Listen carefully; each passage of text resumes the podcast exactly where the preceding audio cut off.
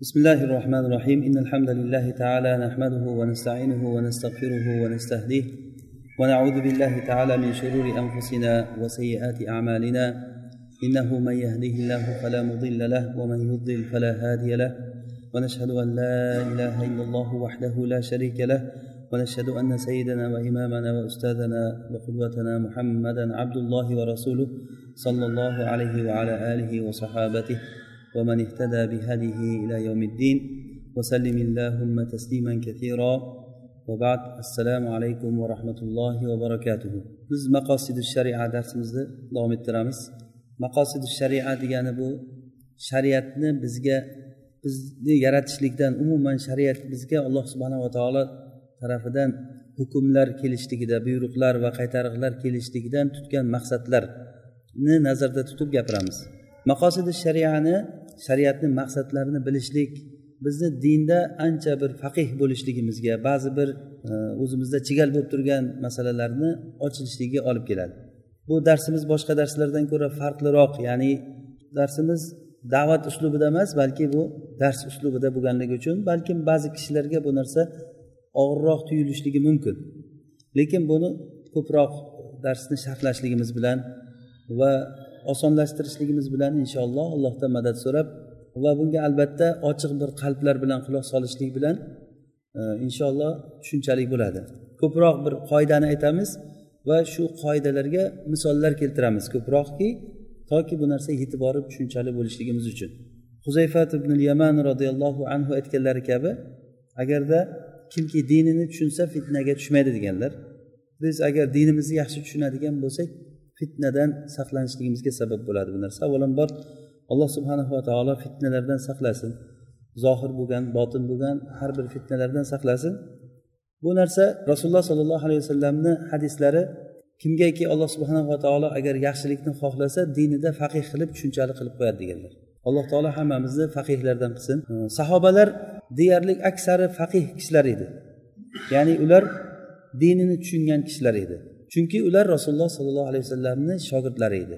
Ular dinda alloh subhanava taolo ulardan nimani maqsad qilgan ekanligini shariat nima uchun kelganu ular kimga ergashgan o'zlari kim ekanligini yaxshi bilishardi. Bizni muammomizdan biri biz o'zi birinchidan o'zimizni huviyamiz deganday haligi arab tilida aytganda o'zimizni kimligimizni yaxshi bilmaymiz. Alloh subhanahu va taoloni tanigandan keyin inson o'zini tanigandan keyin ollohni shariatini yaxshi bilsa maqsad o'zi shu. Alloh taolo insonlarni va jinlarni ibodat uchun yaratdim deb aytgan. Ularni hayotda faqat yashab bola chaqa ko'paytirib yashab qornini to'yg'azib yurishlik uchun yaratmagan. Ayni shu ma'noni yo'q qilishlik uchun alloh taolo aytadiki ma uridu minhum min rizqin va ma uridu an yut'imun. Men ulardan rizq so'ramayman odamlardan va ular meni taomlantirishligini xohlamayman. Zero alloh subhanava taolo o'zi razzoq bo'lgan quvvatlik butun kuch quvvat uni qo'lida bo'lgan zot. Biz alloh subhanava taoloni shariatini o'rganishligimiz hammamizga vojib bo'ladi. Xoh o'qib o'rganaylik xoh uni eshitib o'rganaylik bu narsa juda ham mo'min kishiga muhim narsa. Shariatni bilishlik va tushunishlik. Bir umr o'zimizga ummiylikni avomlikni lozim tutib o'sha holatimizga rozi bo'lib yashaymizmi? O'zi boshidan o'zi nozil bo'lgan sura iqro surasi bilan nozil bo'ldi. O'qigin ta'lim olgin. Afsuski bir qancha vaqtlarimizni biz ta'lim olmasdan dinimizni tushunmasdan yuribmiz ko'pchilik odamlar illa man rohima robbi ya'ni. Mana shu uchun ilm majlislariga qatnashishlik iloji boricha ochiq bir qalb bilan quloq solishlik bilmaganlarni so'rab o'rganishlik bu narsa har bir mo'min kishini vojibi bo'ladi. Fasalu ahla zikri in kuntum la ta'lamun. Alloh taolo aytganki agar sizlar bilmaydigan bo'lsanglar ahli zikrdan biladigan kishilardan so'ranglar degan. Ta'lim olishlik farzi ayn bo'lgan narsa. Har bir kishiga. Lekin afsuski ko'pchilik mo'min kishilar ta'lim olishlik xuddi muayyan bir kishilarni vazifasiday qarab uni bir chekkaga surib qo'yib musulmon bo'lib iltizomga kirganligiga necha yillar o'n yildan oshgan yigirma yildan oshgan bo'lishligiga qaramasdan dinida biror bir narsani yaxshi tushunmasdan yurgan kishilar bor. Shuning uchun bu narsaga alloh taolodan avvalo madad so'rab sabablarni ushlab ilm o'rganishlikka harakat qilamiz. Biz o'tgan darsimizda suhbat qilganimizda gapirdikki shariatni bizdan maqsad qilgan narsasi asosan to'rtta maqsadni katta katta maqsadlarni aytdik. Birinchisi shariat bizga nima uchun keldi? Mana shunga javob kechagi darsimiz shuni javobi bilan o'tdi. Shariat bizga nima uchun keldi? Buni qisqacha javobi foyda keltirishlik uchun foydani olib kelish va ziyonni ketkazishlik uchun shariat keldi bizga. Ya'ni shariatda kelgan buyruqlar va qaytariqlar har biri foyda ziyon bilan o'lchangan narsalar. Nimagaki buyurilingan bo'lsa bilingki o'sha foyda nimadan qaytarilingan bo'lsa bilingki o'sha narsa ziyon. Lekin bir narsani yaxshi bilishligimiz kerak bu qoidaga o'xshagan narsa biz uchun foyda ziyon shar'iy ko'zoynak bilan qarab o'lchanishligi kerak. Bo'lmasa aslida foyda deganda masalan buzuqchilik ishlarini qilayotgan odamlar ham foyda qilyapman degan davo bilan qiladi. O'g'irlik qilyapman qiladigan odamlar ham farzandlarimni boqyapman. Men shuni orqasidan meni orqamdan boshqa odamlar rizqlanib turibdi foydam tegyapti boshqalarga degan bahona bilan qiladi. Va hokazo. Har qanday fujurni qilgan odamni ham o'ziga yarasha bir shubhasi bir botildan bo'lgan aqidasi bo'ladi. Demak bu narsada bizda to'xtalinadigan joyi bu shariatni qarashligi bilan shariat ko'zoynagi bilan qarashligimiz kerak. Ya'ni dunyoviy foydalar oxiratda foyda keltirishligi bilan katta kichikligi bo'ladi. Ya'ni dunyoviy foydalarni katta yoki kichikligi oxiratdagi samarasiga qarab bo'ladi. Nima uchun namoz o'qishlik juda ham katta amal hisoblandi? Eng katta amallardan islom rukunlaridan. Chunki buni foydasi dunyoda ham oxiratda ham buni foydasi juda katta buni. Mana shu uchun ham bu narsa ta'kidlab ta'kidli qilib juda ko'p joylarda bu narsa buyurilindi kecha darsimizda shu maqsadlardan birinchisi ya'ni shariat bizga nima uchun keldi degan narsani sharhladik. O'zi asli shar'iy maqsadlar to'rtta katta maqsadlar. Birinchisi shariat nima uchun kelgan? Shariat odamlarga foyda olib kelishlik uchun kelgan. Ikkinchisi shar'iy maqsadlar shariat bizga odamlarga tushuntirishlik uchun keldi. Bugungi sharhlaydigan narsamiz inshaalloh bu. Buni inshaalloh ko'p sharhlaymiz keyin tushunarli bo'ladi. Uchinchisi shariat bizga kelishligidan maqsad odamlarga taklif ya'ni yuklash nimanidir buyurish uchun keldi. Shunchaki xabar berib qo'yishlik emas. Masalan qur'onda qancha xabarlar keldi? Shu xabarlarni aytishlikdan maqsad nima? Bani isroil haqida xabar beradi yoki boshqa xabarlar beradi? Uni aytishlikdan maqsad nima? Shunchaki bir vaqtichog'liq qilib turib zerikib ketdik bir gapirib bering deganday bo'ladimi? Nima uchun bizga qissalar aytilinadi? Nima uchun shariat bizga bir narsani o'tgan ummatlarda qaysi bir ummatlarda halok bo'lib ketganligini aytadi? Jannat haqida so'z ketadi masalan yoki do'zax haqida so'z ketadi. Nega? Bularni aytishlikdan maqsad biz bizga shariat nimanidir yuk ustimizga yuklayapti. Shuni xohlagan shariat. Shunday bir islomshunos sifatida o'rganib qo'yishlik uchun tarixni o'qishlikda masalan o'qib a bir muhammad degan odam o'tgan ekan falon hijriy yilda o'tgan ekan ashoblari bo'lgan ekan juda kuchli qaytmas odamlar bo'lgan ekan. Unday bo'lgan ekan bunday bo'lgan ekan degan tarixiy bir voqea sifatida o'rganib shunday tashlab qo'yishlik uchun kelmadi shariat. Har bir aytilingan shariatni gapida biz uchun katta bir ibratlar va biz uchun katta mas'uliyatlar bor. Yetyaptimi bizga? Albatta bizga mas'uliyat kelib tushdi. Rasululloh sollallohu alayhi vasallam hajjatul vadoda ummatga o'shanda xutba qilgan paytlarida xutbatul vado ya'ni vidolashuv xutbasi degan mashhur xutbada rasululloh aytdilarki yetkazdimmi dedilar.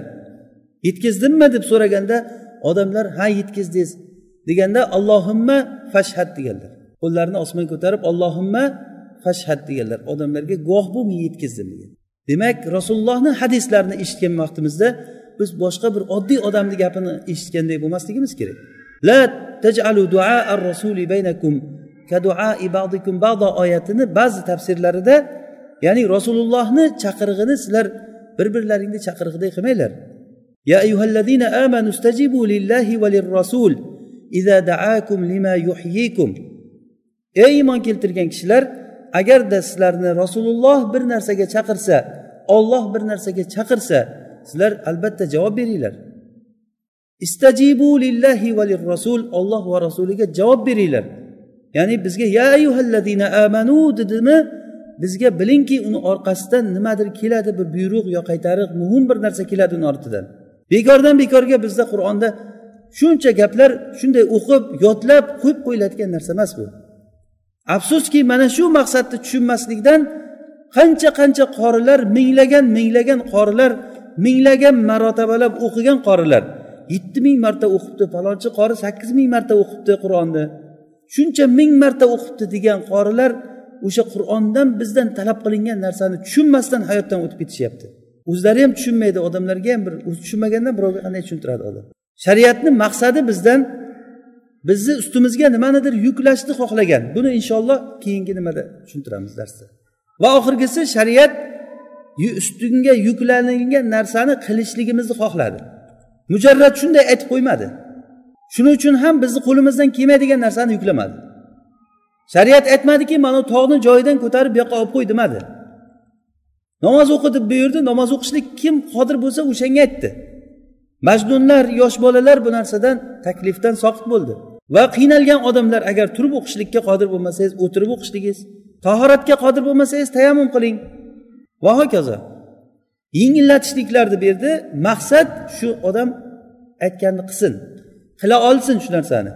Qila oladigan narsani aytib shu narsani shariat talab qildiki bizdan qilishligimizni. Mana shuni xohladi shariat bizdan. Inshaalloh bu narsalar keyingi darslarimizda tushuntiriladigan narsa. O'tgan darsimizda biz birinchi shariatni maqsadi yana takror aytamiz shariatni birinchi maqsadi bizdan nimani xohladi bizga nimani keltirdi? Foyda va ziyonni maslaha va mafsada deb aytdik arab tilida buni. Maslaha ya'ni foyda mafsada ziyon. Va bu narsa asosan eng katta uch qismga bo'linadi deb aytdik. Zaruratlar va hojiyatlar va tahsinotlar. Zarurat deganda nima ekan u? Zarurat degani agar u bo'lmasa hayot nizomi buzilib ketadigan narsa. Buni yaxshi tushunib oling sizga boshqa narsani xuddi shu bilan hisoblab ketaverasiz. Agar o'sha narsa bo'lmasa o'sha narsa bo'lmasa hayotni nizomi buziladi. Yoki u hayot buzilib ketmasa ham u hayotni boridan yo'g'i yaxshi bo'lib qoladi. Bu hayotni boridan ana shu narsa zarurat deyiladi. Yo inson o'lib yo'qolib ketadi yoki bo'lmasa o'lib yo'qolib ketmasa ham qiyinchilik holatiga tushib judayam tanglik holatiga tushib ketadi. U hayotni nizomi tamoman buziladi. Bu zaruratlar deyiladi. Va ikkinchisi hojatlar. U hojatlar agar u hojiy narsalar bo'lmasa hojiyatlar bo'lmasa inson hayoti to'xtab qolmaydi. Lekin inson qattiq bir harajga siqilishlikka tushib qoladi. Va uchinchisi tahsinotlar. Agar u bo'lmasa hayot to'xtab ham qolmaydi inson qiynalib ham qolmaydi lekin bo'lsa yaxshi. Buni masalan biz uyni misol qilib aytayotgan bo'lsak masalan sovuq o'lkalarda yashaydigan kishilar uchun uy zarurat narsa hisoblanadi. Agar shu uy bo'lmasa hayot nizomi to'xtaydi. Va uyni endi uyni hojatlaridan biri uyni hojatlaridan biri nimani aytish mumkin? Masalan uy jihozlaridan nima hojatga kiradi? Masalan gilam. Gilami yo'q bo'lgan uyda yashash mumkin. Lekin qiynalib qoladi odam. Hozirgi mana shu turishimizda gilamlar biz uchun hojat hisoblanadi. Bu gilam bo'lmasa ham masalan har bir odam tashqaridan bir karton bir narsalar olib kelib tagiga tashlab o'tirib u o'qib eplashtirib o'tirsa bo'lardi lekin qiyinchilik haraj hamma joy to'zib ketadi. Yana olib kirgan narsani hamma olib chiqib ketish kerak. Kimniki qolib ketadi boshqa boshqa. Mana shunaqangi narsalar hamma biladigan bir haraj hosil bo'ladi. Va tahsinotlar degani uyni misolida aytsak masalan uyni bo'yoqlari yoki har xil ranglar naqshlar bezaklar bu narsalar uyni tahsinoti hisoblanadi. Yoki masalan uyingiz uy bo'lishligi o'zi zaruriy bo'lsa uy bo'lishligi uni lifti bo'lishligi masalan bir o'ninchi etajda bir odam yashaydi. O'ninchi etajda bo'lsa ham uy bo'lsa bo'ldi. Zarurati shu bilan qoplanadi. Lekin u uyni o'ninchi etajda bo'lgandan keyin unga liftga hojati bor uni. O'sha lifti bo'lmasa u qiynalib qoladi. Bozordan bir narsalar olib keladi qopi bilan o'ninchi etajga ko'tarib chiqish kerak. Har kuni besh vaqt namozga o'ninchi etajdan chiqib tushish kerak. Bu o'z uz o'zidan insonda qiyinchilikni keltirib tug'diradimi yo'qmi? Qiyinchilik keltirib chiqaradi. Mana bu o'sha liftni bo'lishligi hojatga kiradi. Endi uyini bir yaxshi go'zal bir holatda bo'lishligi quyosh tushadigan bo'lishligi masalan quyosh tushadigan bo'lishligi ba'zan hojat bo'ladi ba'zan tahsinot bo'ladi. Agar quyosh tushmasa zaklab uy zak bo'layotgan bo'lsa demak quyosh unga hojat. Yo uni farqi yo'q tushsa tushmasa bo'layotgan bo'lsa tushsa yaxshi yorug' bo'ladi demak bu tahsinot bo'ladi. Mana shu shariatdagi narsalarni hammasini mana shu uchta narsa bilan o'lchanadi. Va bu zaruratlar beshta deb aytgan edi. Ya'ni shariatda kelib shu zaruratlarni saqlash uchun keldi shariat bular beshta birinchisi dinni saqlash uchun keldi. Zaruratlarni birinchisi din ikkinchisi nima? Nafs uchinchisi aql to'rtinchisi nasl oxirgisi mol molni saqlash uchun. Mana shu beshta narsa hayotni asoslari hisoblanadi. Agar shu beshta narsa hayotda bo'lmasa bittasi bo'lmasa hayot yo to'xtaydi yo bo'lmasa u hayot judayam nizomidan chiqib ketib qoladi. Masalan birinchisi din bo'lmaydigan bo'lsa hayotda nima bo'ladi? Umuman din yo'q hayotda faraz qiling hayotda din yo'q. Alloh taolo payg'ambar yubormadi kitob tushirmadi. Shunday yaratib qo'ydi odamlarni. Shunday tashlab qo'ydi odamlarni. Mana shu hayotni tasavvur qiling ana endi. Qanaqangi hayotga keladi? Na halol bor na halom bor harom bor. Na bir mezon bor. Kuchli kuchsizni ushlab bosib yeydi. Hayot tamomiy nizomidan chiqib ketib qoladi. Halol harom degan narsa bo'lmaydi. Qavmi qarindoshchilik o'rtasidagi mehr oqibat va boshqa boshqa narsalar bo'lmaydi. Hozir masalan ko'rishimiz mumkin kofir bo'lgan odamlarda ba'zi bir axloqlarni ko'rishligingiz mumkin lekin o'sha axloqlar ham dinlarni qoldiqlari. Masalan nasorolar yoki yahudiylar bularni islomdan oldin dini bo'lgan ularni o'sha o'zlarini dinlaridan ba'zi bir xulqlar ularga kasb bo'lib qolgan. A o'shalar bilan ular o'zlaricha qonunlari bor o'zlaricha o'rtalarida bir odatlari bor. Demak bu dinni ta'siri bu. Agar din bo'lmaydigan bo'lsa u hayot boridan yo'g'i yaxshi bo'lib qoladi. Yoki nafsni ayting. Odam nafs deganda bir odamni vujudini tushunamiz. Odamsiz hayotda nima keragi bor? Alloh taolo insonlarni bir yaratdida tamom ularni ko'paymaydigan qilib qo'ysa. Faraz qiling hayotga besh milliard odamni yaratdida shunday qo'yib qo'ydi qanchadir umr berib. Ular ko'paymaydi. Qanchadir vaqtdan keyin hammasi yashab hammasi o'lib ketadi. Demak ollohni shariatni maqsadi bundan bunaqa bo'lmadi ko'payishligini xohladi chunki hayot yurishi kerak o'zidan o'zi ko'payib olloh xohlagan bir muddatgacha odamlar borishi kerak. Va mana shuni o'rtasida imtihon bo'ladi boshqa bo'ladi. Demak nafs ikkinchisi bo'lmasa hayot bo'lmaydi o'zida ma'lum narsa. Uchinchisi aql. Agar aql bo'lmayotgan bo'lsa odamlar hammasi hayotda faraz qiling aqli yo'q. Bu hayot qanaqangi hayot bo'ladi? Hamma aqlsiz bo'lsa ko'chaga chiqsangiz. Qanday qilib moshina haydash tugul u moshina ishlab chiqarish uchun aql kerak va boshqa boshqa telefonlar ishlatish uchun boshqa. Umuman hayot to'xtaydi hayot bo'lmaydi umuman. Xuddi hayvonlarda yashab yashab bir e, nimalar bo'lib o'lib ketaveradi odamlar. Hayvondan ham ko'ra yomonroq holatga tushib qoladi. Chunki hayvonlarni aqlsiz holatda yashashligini alloh taolo ularga sharoitini berib qo'yibdi. Hayvonlarni o'zini e, yeydigan ichadiganlarini topaladi ular. Ustida kiyimi bor ularni. Aqlsiz odam kiyimni qayerdan oladi? Va hokazo. To'rtinchisi bu nasl. Naslni saqlashlik boya aytganimiz nafsni saqlashlikka o'xshab ketadi. Agar nasl ko'payishlik bo'lmasa qavmi qarindoshchilik degan narsa aniq bo'lmaydi. Kim farzandi kim otasi uni bilib bo'lmaydi. Mana shuni saqlashlik uchun shariat nimalar qildi? Oxirgisi mol. Molsiz hech narsa bo'lmaydi. Mol deganda biz inson hayotiga kerakli bo'layotgan mana bu ustimizdagi kiyimlar ham mol deyiladi. Minib yuradigan moshinalar ham mana shu o'tirgan narsalarimiz hamma narsa ishlatayotgan narsamiz mol hisoblanadi. Mana shu beshta narsa beshta narsa bu zaruriy narsalar agar bu bo'lmasa hayot bo'lmaydi. Shariat ana shu beshta narsani saqlash uchun keldi. Keyin bu beshta narsani ham o'zaro bir biridan nimasi bor? Tartibi. Masalan mol eng oxirgi o'rinda turadi. Eng oxirgi masalan mol bilan din agar bir biriga to'qnash kelib qolsa qaysisi muqaddam qilinadi? Qaysini oldinga qo'yamiz? Dinni muqaddam qilinadi dinni oldinga qo'yiladi. Agarda nafs bilan din ikkalasi yonma yon kelib qolsa qaysisini birinchi rioya qilamiz? Dinni rioya qilamiz. O'sha uchun ham olloh yo'lida jihod qilishlikni shariat mashru qildi va mana shunda mollar jonlar qurbon bo'ladi. Tujahiduna fi sabilillahi bi amvalikum va anfusikum. Olloh yo'lida jihod qilasizlar mollaring bilan va jonlaring bilan. Mollar jonlar ollohni dinini oliy qilishlik uchun qurbon qilinadi ketadi. Demak birinchi o'rinda tartibda din turadi. Din uchun hamma narsa qurbon qilinadi. Odamni joni ham moli ham hamma narsa. Va nafs ya'ni odamni joni moldan oldin turadi. Masalan odam bilan agar pul bir taroziga tushib qolsa albatta odam birinchi o'rinda turadi. Agar bir katta bir puldan katta bir mablag'i halok bo'lib ketyapti o'shani qutqarish uchun bir kishi halok bo'lishi kerak. O'shanda bu molni qutqarish uchun bir odam halok qilinmaydi. Mol ketsa ketsin kuyib ketsin mayli yo'qolib lekin odamni joni saqlanib qolishligi kerak. Mana bu ikkinchisi. Uchinchi o'rinda turayotgani aql. Aql undan keyingisi nasl undan keyingisi mol. Bular mana shu tartibda keladi. Bu tartibni bilishligimiz bizga hayotda ko'p narsalarni ochib beradi.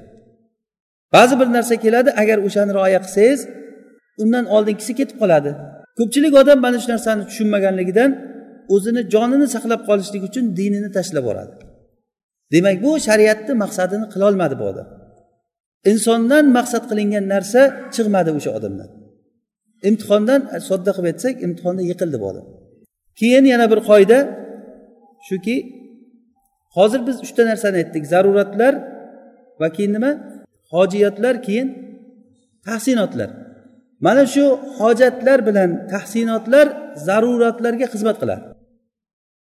Agarda zaruratni qilishlik mana shularni qilaversa agar zaruratlarga olib borib zarurat yaxshi bo'lib boraveradi.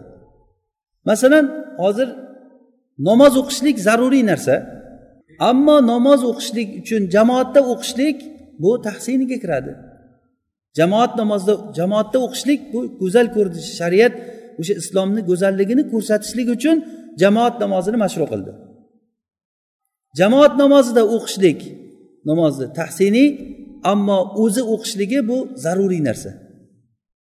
Agarda shu tahsiniy yoki hojiy narsaga rioya qilishlik zaruriy narsani yo'qolishligiga olib kelsa bu narsani e'tibori soqit bo'ladi bunga amal qilinmaydi. Masalan namozni turib o'qishlik yaxshi narsa. Bu tahsinotga kiradi turib o'qishlik. Ammo o'tirib o'qishlikka ruxsat bor bunga. Namozni o'zini o'qishlik zarur.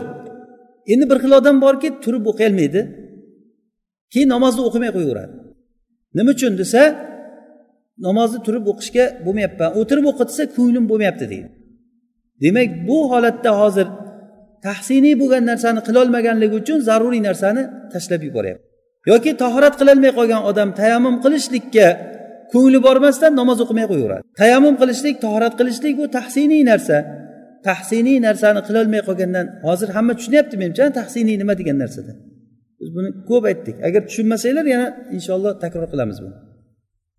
Agar mana shu narsaga rioya qilishlikni xohlab bunisi qolib ketadigan bo'lsa tahsiniy bilan hoji bo'lgan hojatdagi va tahsiniy bo'lgan narsaga rioya qilinmaydi. Uni e'tibori soqit bo'ladi. Masalan halol yeyishlik tahsinotlarga kiradi. Haloldan yeyishlik. Endi jonni saqlashlik nima bo'ldi bu? Zaruriyga bo'ldi. E, jonni saqlashlik zaruriy bo'lgandan keyin bir joyga bordi odam bir hojat joyiga judayam zarurat holatiga tushib qoldi. Ovqat yo'q bitta yo cho'chqa go'shti bor akramakumulloh yoki bo'lmasa bir mayta bor o'limtik.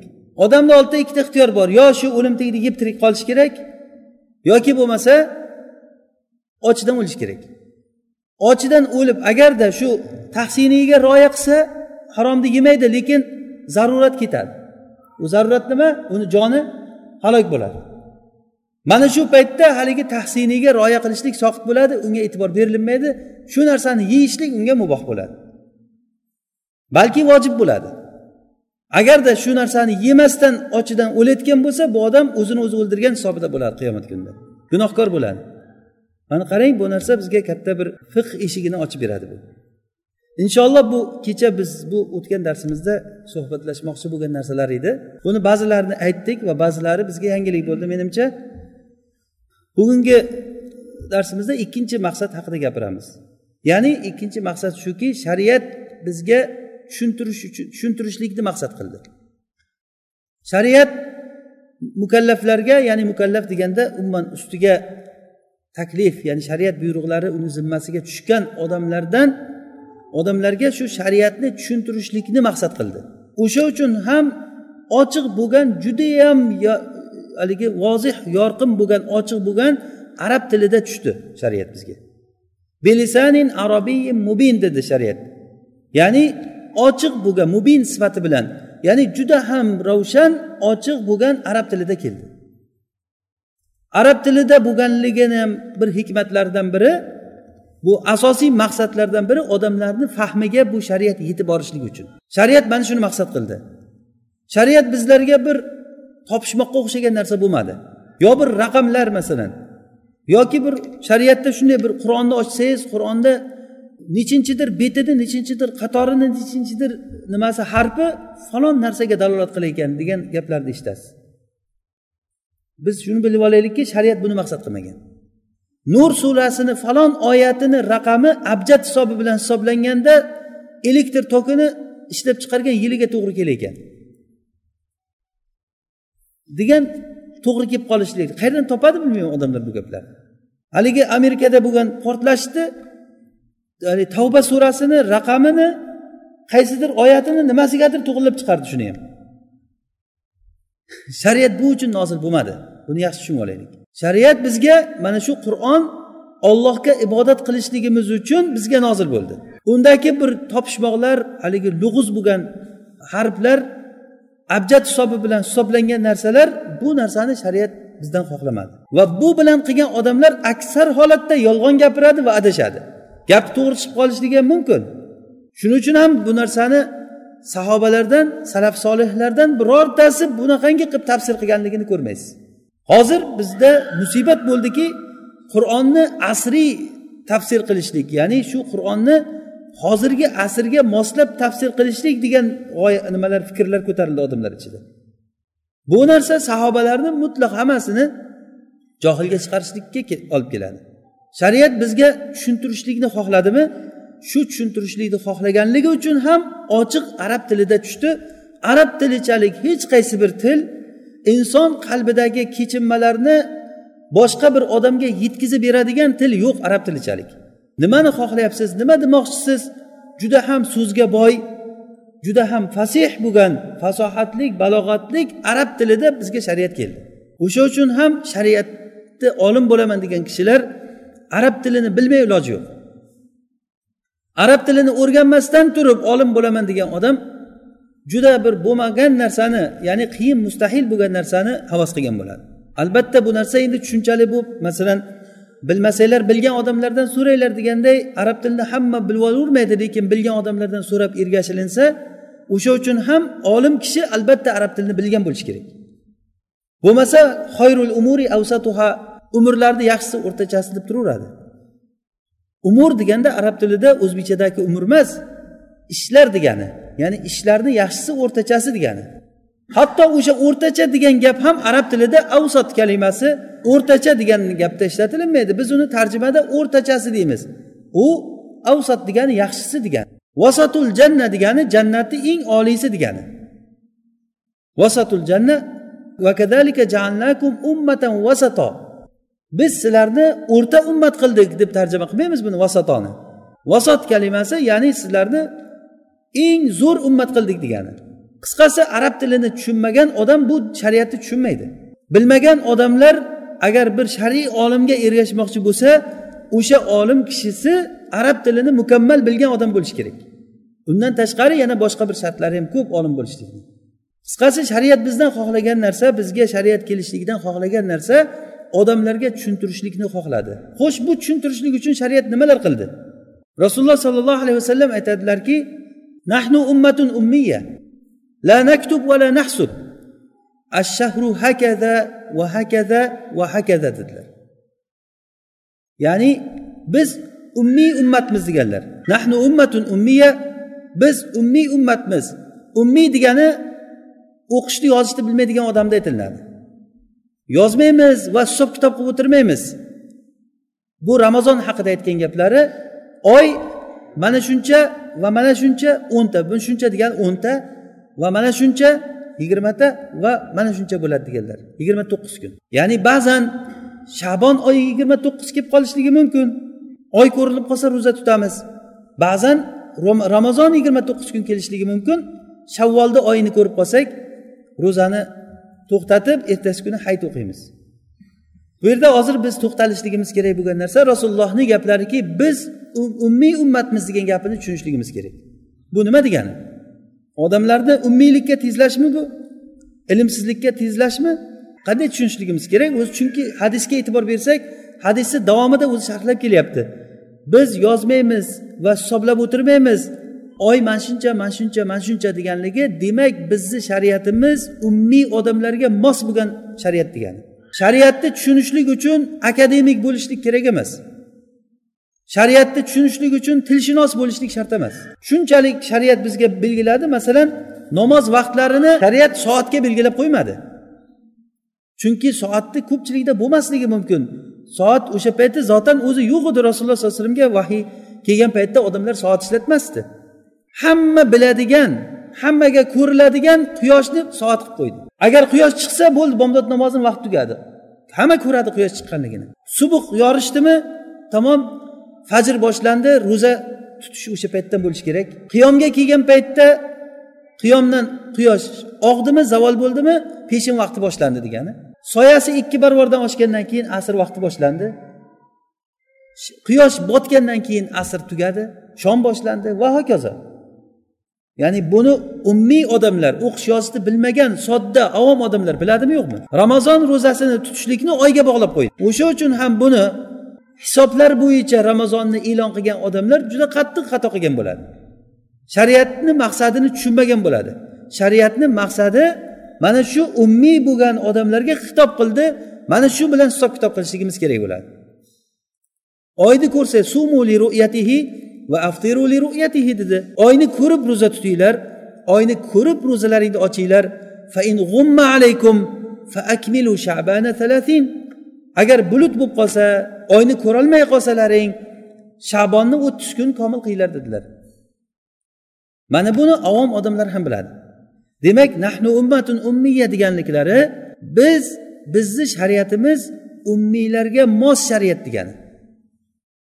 Allazina yattabi'una rasulan nabiyyal ummiy qur'onda keladiki bizni ummatni kimligini alloh taolo tanitgan paytda ular ummiy bo'lgan payg'ambarga ergashadi deb kelgan. Bizni yo'lboshchimiz rasululloh sollallohu alayhi vasallam ummiy kishilar o'qishni yozishni bilmagan odamlar. Bu kishini shariati mana shu o'qish yozishni bilmagan odamlarga mos shariatni keltirdi.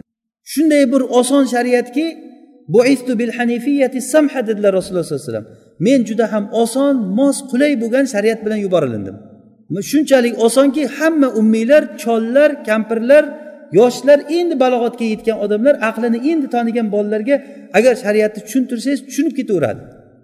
Quyosh chiqsa bo'ldi bomdod namozi o'tib ketdi.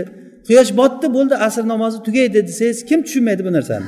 Mana bunday shariat shunchalik oson bo'lib keldi. Yana biz shariatni kuzatishligimiz mumkinki ya'ni biz hozir aytayotgan narsa nima yana takror aytamiz shariatni kelishligidan shariat nimani maqsad qildi? Odamlarga tushuntirishlikni maqsad qildi. Tushunmay qolishlikni maqsad qilmadi. Mana shundan kelib chiqib aqidada deysizmi? Amaliyotlarda deysizmi? Bu juda ham oddiy sodda bo'lgan narsalarni shariat bizga keltirdi. Aqidada juda ham sodda hattoki imom ahmad rahimaulloh va boshqa imomlardan naql qilinadiki eng e'tiqodni yaxshisi kampirlarni e'tiqodi degan. Ya'ni meni kampirlar chollarni e'tiqodi ajoblantiradi degan. Qanaqasiga? Ular aqidadagi chigal masalalarga kirmaydi. Ollohni o'zi kechirsin o'zi biladi deydi. Bir kishi kabani tavof qilyapti duo qilyapti ekan. Ey olloh nima deyishni ham bilmayman o'zing bilib beraver deyapti. Duoni qarang. Jomiyligini buni duo hamma narsani jamlab olyaptida. O'zing bilib beraver nima kerakligini menga deyapti. Joyiga keldim so'rash uchun. Ana shu iymon ajablantiradi meni degan. Olloh qayerda desa olloh tepada deydi. Alloh taolo tepamizda. Alloh taolo hamma narsani ko'rib turibdi. Uni sifatlarga kir undagi xiloflar qani bitta kampirni ushlab aytingki mo'tazillarni beshta aqidadagi aslini aytib bering deng. Kimni deydi? Mo'tazil. imom ahmad rahimaullohga oxirgi o'sha aytgan gaplari meni iymon kampirlarni iymoni ajablantirdi. Imom g'azzoliy rahimaulloh ilmiy kalomda shug'ullangan chavandozlardan oxirgi o'lish paytida buxoriyni quchoqlab o'lgan ekanlar. Sahiy buxoriyni kitobini ya'ni. Sahiy buxoriyni kitobini quchoqlab yig'lab aytar ekanlarki men umrimni zoyi ketkazdim degan. Agarda sizlar meni tajriba qilganimdek tajriba qilganlaringda men bilganday bilardinglar men ana nisoburni kampirlarni e'tiqodida o'lyapman degan. Nisoburni ya'ni nisobur erondagi nisobur nisoburni e, kampirlarni e'tiqodida bu narsa judayam sodda oddiy bo'lgan aqida mana shunday oddiy narsa. Olloh subhanahu va taolo juda ham vodih hamma odamni qalbida bo'lgan mana shunday narsalarni bizga qur'onda tanitdi. Qur'onni o'qisak agar tushunadigan odam tushuntirsa hamma tushunadi. Nahnu ummatun ummiya biz ummat o'laroq ummiymiz degani bizni ummatimiz bizni dinimiz ummiy odamlarga mos bo'lgan shariat bu degani. Yana takror aytamiz bu shariatga amal qilishlik uchun akademik bu falon joyda o'n yil o'qib kel u bu bu bu degan gap kerak emas. Bugun musulmon bo'ldingizmi? Bugun qilib ketaverasiz. Tohirat nima qilsa sinadi? Hamma biladi. Qanday torat qilish kerak? Bir marta hozir mana shu yerda toratni ko'rsatib bersam hamma odam o'shanday torat qilib ketaveradi. U qanday qilish kerak bunday qilish kerak qo'lni yurg'izganda qanday aylantirib qanday yurg'izish kerak? Bunaqa narsa yo'q biz shariatda. Qo'lingni yuv oyog'ingni yuv tozalab yuv bo'ldi. Nahnu ummatun ummiya. Mana bu narsadan agar shariatdagi ko'p ahkomlarni o'qib o'rganib qaraydigan bo'lsak shariatni bizdan qilgan maqsadi tushuntirishlikni maqsad qilgan ekan. Mana shuning uchun ham ilmi kalom degan bir balo chiqqan bizni ummatimizga. O'sha ilmi kalomda shug'ullangan odamlarga qarasangiz abu hanifa rahimaulloh ilmi kalom bilan shug'ullanganlar boshda. Keyin ilmi kalomni tashlab u kishini o'zi asli bu ilmga qaytishliklarini sababi ham shu bo'lgan deyiladi. Munozaralarni juda ham yaxshi ko'radigan o'sha majlislarda ilmi kalom bilan hammani yengadigan kishi bo'lgan ekan. Bir kuni masjiddan chiqib turgan paytlarida bir kampir kelib turib bir masala to'g'risida so'ragan abu hanifadan. Men bilmadim bu masalani. Kirib hammod ibn sulaymon shayx masjidda o'tiribdi kirib so'rab chiqing degan lekin chiqishingizda nima deganligini menga ham ayting men ham bilib olayin degan. Kampir kirib ketib shayxdan so'ragan xursand bo'lib qaytib chiqqan. Nima dedi shayx deganda ha olloh rozi bo'lsin mana shunday mana shunday deb javob berdi. Bo'ldi bilib oldim deb ketgandan keyin abu hanifa o'ziga aytgan ekanki sen nima qilib yuribsan hayotda yashab? Shu masalani bilmasang. Majlislarda o'tirib tortishib tortishasan odamlarga kerakli bo'lgan masalani bilmasang nima qilib yuribsan deb o'sha joydan tavba qilib ilmi kalomni shu yig'ishtirib qo'yib hammod ibn sulaymonni oldida o'tirib dars olishni boshlagan. Va abu hanifaday ummatni imomi bo'lib yetishib chiqqanlar. Demak biz ummiy ummatmiz. Shofiy rahimaullohni oldilariga bir kishi kelib turib shofiyni oldiga kelib turib yulduzlar to'g'risida so'ragan ekan falon yulduz falon yulduz qachon chiqadi qachon botadi? Deb shunda imom shofiy aytgan bilmadim deganlar. Shuni o'ylab ko'rmagan ekanman. Keyin to'xta o'zi tohiratni nimalar qilish kerakligini farzini bilasanmi desa bilmas ekan boyagi odam sen nimaga o'zingga kerakli bo'lgan narsani so'ramasdan yulduzlar so'rayapsan degan. Odamlarga kerakli bo'lgan narsa shu o'zi. Odamlarga nima kerakli bo'lsa shariat shu narsani olib keldi. Rasululloh sollallohu alayhi vasallam hudaybiya kuni hudaybiyani bilasizlar. Makka mushriklari bilan sulh tuzilgan unda musulmonlar uchun juda katta bir voqea hisoblanadi hudaybiya sulhi. Ular madinadan umra qilamiz deb turib makkaga kelib hudaybiyaga kelib kofirlar ularni man qilib makkaga kirgizmaymiz deb keyin suhayl ibn amr kelgandan keyin o'rtalarida sulh yozilib musulmonlar bilan mushriklar o'rtasida sulh tuzilib bo'lgandan keyin hamma o'sha kechasi uxladi ertalab turganda rasululloh sollallohu alayhi vasallam olloh taolo gapirdi bugun dedilar. Alloh taolo gapirdi deganda nima deb o'ylaydi odamlar? Nima haqida gapirgan bo'lishi mumkin? Xayolga kelayotgan narsa endi ishimiz nima bo'lar ekan? Bu siyosiy narsa bo'lyapti katta ummatni ishi bo'lyapti u yerda. Alloh taolo gapirgan bo'lsa muhim narsa nima haqida gapirgan bo'ladi? Alloh taolo gapirdi dedilar. Bugun o'sha kechasi yomg'ir yoqqan bo'lgan ertalab bandalarimdan odamlardan bir toifasi kofir bo'lib uyg'ondi bir toifasi mo'min bo'lib uyg'ondi.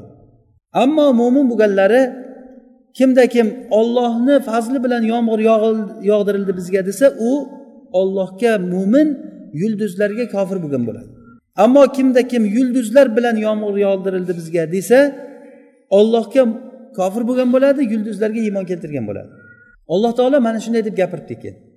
Bu sahobalar bu narsani eshitgandan keyin buni o'ylab ko'ringda hozir odamlarni qalbida juda katta sinish paydo bo'lyapti. Kabaga kirmasdan qaytib ketyapti. Kabaga kirmasdan qaytib ketyapti. U ular hatto umar ibn hattob u yerda iztirobga tushib qolganlar. Rasululloh aytdilarki men tushimda umra qilayotganligim kabani tavof qilyapman ekan dedilar. Abu bakrga aytganlarida abu bakr xursand bo'ldilar. Umarga aytdilar kelib rasululloh aytyapti bo'ldi rasululloh aytgan bo'lsa tamom umra hammaga umra bor ekan shu yil. Mana shu ishonch bilan keldi ular. Endi qaytib ketamiz degan paytlarida umra qilmasdan qaytib ketish kerak. Umar aytdiki abu bakrga rostdan ham rasululloh tushida ko'rganmidi deganda ha rostdan ko'rdim dedilar. Nimaga bo'lmasa qaytib ketyapmiz degan. A rasululloh tushlarida ko'rgan bo'lsalar shu yil qilamiz degan yo'q ediku degan. Rasulullohni oldiga borib aytganlarida ey rasululloh siz haqiqatdan ham tushingizda ko'rdingizmi shu narsani? deganda tushimda ko'rdim. Lekin men senga aytmadimku shu yil qilasan deb. Lekin sen umra qilasan dedilar. Bu yil bo'lmasa narigi yil qilamiz. Ya'ni bu bo'ldi ham. Narigi yilida o'zi makka fath bo'lib turib undan keyin tamom katta fathlar bo'lib ketdi. Ya'ni o'sha joyda aytmoqchimizki haligi yomg'ir yoqqanligida ollohni fazli bilan yomg'ir yog'dimi? Mana shu yomg'irni yog'ishligini ollohga bog'lagan qalb. Makkaga kirolmaslikni kimga bog'laydi? Ollohni fazli bilan ollohni xohishi irodasi bilan ular hozir qaytib ketayotgan bo'ladimi? Ko'ryapsizmi ummatni qanday rasululloh sollallohu alayhi vasallam tarbiyaladilar eng muhim bo'lgan o'rinlarda eng muhim bo'lgan dorilarni ya'ni eng muhim bo'lgan qalbni davolovchi narsalarni aytdilar. Mana shundan kelib chiqib aytamizki ilmi kalom degan narsalar bizni shariatimizga bu dog' tushirgan. Ilmi kalom bilan shug'ullangan odamlardan ba'zilari bilan gaplashib qolsangiz ularni aytayotgan gapi shuki bu ilmi kalom degan narsa shariatdan aliyam valiyam gapiravermasligi uchun bir qiyin bo'lgan qoidalar qilib qo'yilganki kim o'sha qoidalardan o'tib nima qilsa keyin shariatda gapirishga haqqi bor bo'lmasa gapirsa kofir bo'lib qoladi. Alhamdida yettita o'rinda kofir bo'ladi ozonda o'n bitta joyda kofir bo'ladi va hokazo va hokazo mana shunday qilib turib ummatni tamomiy shariatdan uzoqlashtirishlikka olib kelingan. Hattoki shu ilmi kalom degan kitoblarni varaqlang ichida na bitta oyat bor na bitta hadis bor. Yana uni ismi ilmi kalom aqida kitobi. Aqida kitobi iymonni asosi haqida gapirmoqchi bo'lgan narsa kitobda birorta joyida na oyat na hadis bor. Ummat mana shu endi ilmi kalomdan gapirsangiz hech narsani tushunmaydi hech kim. Qarab turaverasiz hech narsani tushunmaysiz. Mana shu narsalar ummatda mo'taziliylarni chiqishligi va o'shalarga o'xshagan toifalarni chiqishligiga olib keldi. Qodariylar mana shu bilan adashdi. Ular aql bilan o'lchab hamma narsani. Mo'taziliylar jabariylar murjialar bular hammasi mana shu aqlga ergashib turib shariatdan adashib ketib qoldi. Vaholanki shariat bizga odamlar tushunadigan juda ham sodda bir narsalarni keltirgan edi. Agar bu mavzu agar tushunarli bo'lgan bo'lsa yana bir boshqa mavzuga ko'chib o'tamiz. Bu shundayki shariatda bizga kelgan arab tilida bizga aytilinadigan narsalar masalan shariat o'zi bizga arab tili bilan kelgandan keyin aytilingan narsada asliy maqsadlar bor va qo'shimcha tobiiy maqsadlar bor. Asliy maqsadlar va tobiiy ya'ni qo'shimcha maqsadlar bor. Bu qanday? Shariatda masalan aqimus solah deganda aqimus sola deganda bundan bizda nimani xohladi shariat? Namoz o'qishligimizni xohladi. Shundaymi? Va hokazo. Va atu zakata. Zakot beringlar deyapti. Mana shu narsalarni aytilib nima uchun shariat aytgan bo'lsa o'sha asliy maqsad bo'ladi. Nima uchun aytgan bo'lsa asliy maqsad. Asosan shariat asosiy ko'zda tutgan narsasi shu bo'ldi. Qur'onni tarjima qilgan kishi hadisni tarjima qilgan kishi asosan shu narsasini tarjima qiladi. Ammo ikkinchi qo'shimcha masla nimalar maqsadlar bor. U maqsadni tarjima qilib bo'lmaydi tarjima qilgan paytda. Uni qachonki tafsir qilsa bo'ladi. Undan bir ba'zi bir odoblar axloqlar ba'zi bir foydalar chiqishligi mumkin lekin to'g'ridan to'g'ri odamlar bir narsani tushunmaydi undan. Ya'ni masalan imom shofiy rahimaulloh rasululloh sollallohu alayhi vasallamni hadislari agar sizlarni bittalaring uyqudan uyg'onsa qo'lini suvga tiqmasin dedilar. Hadisga e'tibor bering. Agarda bittalaring uyqudan tursa qo'lini suvga tiqmasin chunki u odam bilmaydi bu qo'li qayerda tunagan uni bilmaydi. Mana shu hadis nima uchun aytilinyapti? Oddiy masalan ummatun ummiyaga bo'lgan savol mana hadis nima uchun aytilinyapti? Suvni najas qilmaslik uchun aytilinyaptimi? Suvni najas qilmaslik uchun aytilyapti tamom. Endi bundan mana asl maqsad shu. Bundan endi qo'shimcha bir foydalar chiqadiki qo'shimcha foydalar demak ozgina najas agar suvga aralashsa suvni najas qilar ekan degan gap chiqadi bundan. Imom shofiy rahimaulloh oz bo'lgan suv agarda qullatayn deydi u kishi qullatayn deganligi bir ikki bochka suv. Agar ikki bochkadan suv oz bo'lsa o'shanga agar bir tomchi bo'lsa ham najas tushsa suvni najas qiladi degan gapni mana shu hadis bilan aytganlar. Bu hadisda oz bo'lgan suv najas bo'ladi degan yo'qku. Bu yerda hozir suvni umuman qo'lini suvga tiqmasin deyilyapti. Mana shu asliy maqsad yana bitta masalan ho'p ahkomlardan emas bu o'zimizni oddiy bir hayotdan bitta misol kelib osonlashtiraylik buni. Men sizga aytdimki men kecha men supermarketga bordimdan keyin bir narsalar supermarketdan sotib olib keldim desam sotib olib keldim deydigan bo'lsam siz bilasizki bozor kuni supermarket ishlamaydi. Bozor kuni supermarketlar dam oladi hamma joy keyin men aytdimki kecha borib turib supermarketdan narsalar sotib oldim u qildim bu qildim deb sizga gapirib berdim. Keyin yana gaplashib o'tirgan paytda men bozor kuni boruvdim desam yo sen bozor kuni bormadim deb aytdingku supermarketga bordim dedingku. Supermarket ishlamaydiku bozor kuni. Demak meni aytgan gapim bozor kuni emas boshqa ish kuni ekanligini siz nimadan tushundingiz? Supermarketga bordim degan gapimdan tushundingiz.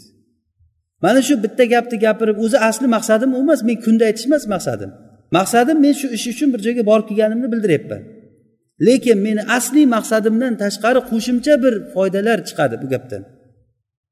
Mana shu foydali shariatda ham xuddi shunday. Bir narsa aytilinadi ana o'sha aytilingan gapdan qo'shimcha bir foydalar olinadi. O'sha qo'shimcha foydalar ham shariatni maqsadi bo'ladi. O'sha uchun ham shariatni o'rganaman degan odam arab tilida o'rganmasa shariatni yaxshi tushunmaydi. Masalan qur'onda er xotin bir biri bilan ajralgan holatini qur'on bizga ahkomlarni aytadiki va alal mavludi lahu rizquhunna va kisvatuhunna bil ma'ruf. Agar er xotin ajralsa o'rtada bola bo'ladigan bo'lsa bola bo'ladigan bo'lsa o'sha bolani otasi haligi taloq qilingan ayolni yedirishligi va uni joy bilan ta'minlab kiydirib ta'minotini qilib turishligi kerak degan. Ya'ni u ona bolani emizyapti o'sha emizadigan onani taloq qilingandan keyin bu ota nafaqa berib turishi kerak. Oyat shuni aytyapti. Lekin mavludun lahu degan gapidan bola otaniki ekan degan gap chiqadi. Ya'ni nisbatda bola otaga berilyapti. Lahu degan kalima bilan nisbatda bola otaga berilyapti. Menimcha mavzu sal qiyinlashib qoldi. Yana inshaalloh bu nimada misol bilan yana osonlashadi. Yana qur'onda masalan bir oyatda aytilinganki onalar bolasini onalar bolalarini ikki yil komil emizadi dedi. Ikki yil komil emizadi deyildi. Boshqa oyatda keldiki va hamluhu va fisoluhu shahro uni emizish va sutdan ajrat homila vaqti va sutdan ajratish vaqti o'ttiz oy deyildi. Boshqa oyatda ikki yil emizadi deyildi. Boshqa oyatda bo'lsa emizish bilan homila vaqti o'ttiz oy deyildi. Demak ikki yil emizishga bo'lsa homila bilan emizishlikni vaqti o'ttiz oy bo'layotgan bo'lsa homila muddati qancha bo'lib qoladi? Olti oy qoladi. Lekin shariat homilani muddati olti oy demoqchimi? Yo'q uni maqsad uni aytgan yo'qku. Asli maqsadi shariatni maqsadi birinchi haligi o'ttiz oy degan paytda shariat haligi ota onani onani bola ustidagi haqlari ko'pligini aytib bermoqchi. O'ttiz oy sen uchun bu ona qiynalgan homila bo'lgan va seni emizgan mana shunda o'ttiz oy qiynalgan degan maqsadda aytyapti. Unisida bo'lsa onalar taloq bo'lgan paytda bolasini emizish bola o'rtada qolib ketadi. Sen qaraysan sen qaraysan degan paytga borib qolganda shariat shu narsani bayon qildiki onalar bolasini ikki yil komil emizadi degan. Erni haqqi borki xotinidan talab qilishlikka bolani ikki yil emizasan deb turib. Ya'ni hukm shu uchun aytilingan. Lekin bundan boshqa bir foydalar ham chiqaveradi. Demak shariatni maqsadi ikki xil bo'ldi bu narsadan. Birinchisi asliy maqsad ikkinchisi qo'shimcha maqsadlar. Lekin bu qo'shimcha maqsadlardan bizga foydalar odoblar axloqlar chiqadi. asliy maqsad lekin o'sha shariatda to'g'ridan to'g'ri aytilingan narsa bo'ladi. O'sha uchun ham asliy maqsad bo'lmagan holatlarda kishilarni ismlari ochiq oshkor aytilinmaydi. Masalan vaja rojulun min aqsol madina. Shaharni bir tarafidan bir odam yugurib keldi. Kim o'sha odam? Va aqsol madinati deyapti. Bir shaharni qaysi shahar u? Qaysi qishloq u? Ularga bir qishloq ahlini zarbulmasal qilib bering.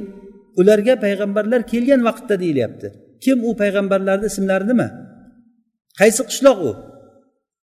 U maqsad emas shariatni asosiy maqsadi u emas. Asosiy maqsadi u payg'ambarlarni ismlari kim? Yoki ashabul kaf haqida gapirganda innahum fityatun amanu bi robbihim va zidnahum huda. Ular bir yigitlar edi. Nechta edi u yigitlar? Allohu alam. Nechtaligi muhim emas ularni. O'sha uchun shariat muhim emasligi uchun ham ular soni muhim emas bu yerda. Muhim ularni qilgan ishlari muhim. O'sha qilgan ishlari haqida qur'on gapiradi.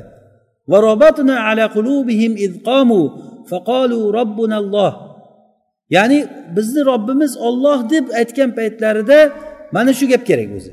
Ko'p bunaqangi masalalar juda yam ko'p. Yoki fir'avn oilasidan bir kishi rojulun mu'minun min ali fir'avna yaktumu imanahu deb keladi.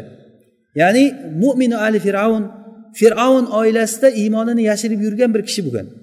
Muso alayhissalomni keyin fir'avn ushlanglar uni qibtiylardan birini o'ldiribdi deb fir'avn musoni ushlashlikka hukm chiqargan paytda u fir'avndan eshitiboq yugurib borib musoni ogohlantirdi. Ey muso men seni ogohlantiraman hozir fir'avn senga hukm chiqardi. Ushlab seni o'ldirishlikka tez chiqib ket degan o'sha odamni vaja rojulun ya'ni bir kishi keldi mo'min odam keldi deb aytilyapti. Kim uni ismi nima? Uni ismi muhim emas uni. Mana shu muhim emas bo'lgan joylarda shariat uni sanog'ini yoki uni qaysi qishloq qaysi shahar ekanligini yoki kimlar ekanligini masalan ba'zi bir joylarda oti bilan ismi bilan aytgan. Tabbat yada abi lahabin va tabb. Mana abu lahabni qo'li qursin va quridi ham. Ma ag'na anhu maluhu va ma kasab. Lahab va imroatuhu ummu jamil uni xotini deb turib aynan o'sha odamlar haqida oyat tushdi. Ularni rasulullohga bo'lgan zulmi juda qattiq bo'lganligidan aynan ismi bilan oti bilan atab keldi. Lekin shariatni maqsadi umumiy maqsadi umumiy maqsadi muayyan bir shaxslarni ko'rsatib berish emas shariat muayyan bir sifatlarni ko'rsatib berishlikka maqsad qiladi. O'sha uchun ham qur'onda ismlar to'g'risida e'tibor berilmaydi. Ular ochiq ochiq ismlar yoki sonlar kelmaydi. Ba'zi fuqarolar hayzni aksar muddati o'n besh kun bo'ladi deganiga dalolat olishgan ya'ni ayollar hayz bo'lgan paytda eng ko'p muddati o'n besh kun hayz bo'lishligi mumkin degan imom molik rahimaulloh aytgan gaplar bu. Hanafiylarda hayzni eng ko'p muddati o'n kun. Bunda hadis bor ya'ni aqallul haydi salasatu ayyam va aktharuha ashratu ayyam. Hadisda lekin nimasida gap bor sihatida o'sha uchun fuqaho boshqa fuqaholar bu hadisni olishmagan. Ya'ni ba'zi fuqaholar hayzni aksar muddati eng ko'p muddati o'n besh kungacha boradi. Agar o'n besh kundan keyin ham ayol kishidan qon kelishligi to'xtamasa o'n besh kundan keyin ham tugamasa bu istihoza qoniga aylanib ketadi. Ana o'shani daliliga rasulullohni hadislarini keltirishgan. Ya'ni aytadiki tamkusu ihdakunna tamkusu ihdakunna shatra dahriha la tusolli sizlarni bittalaring uyida yarim oy ya'ni oyni yarimi namoz o'qimay o'tiradiku dedilar. Ya'ni ayollarni holatini gapirib bergan paytda ularni naqisatul aqli va din.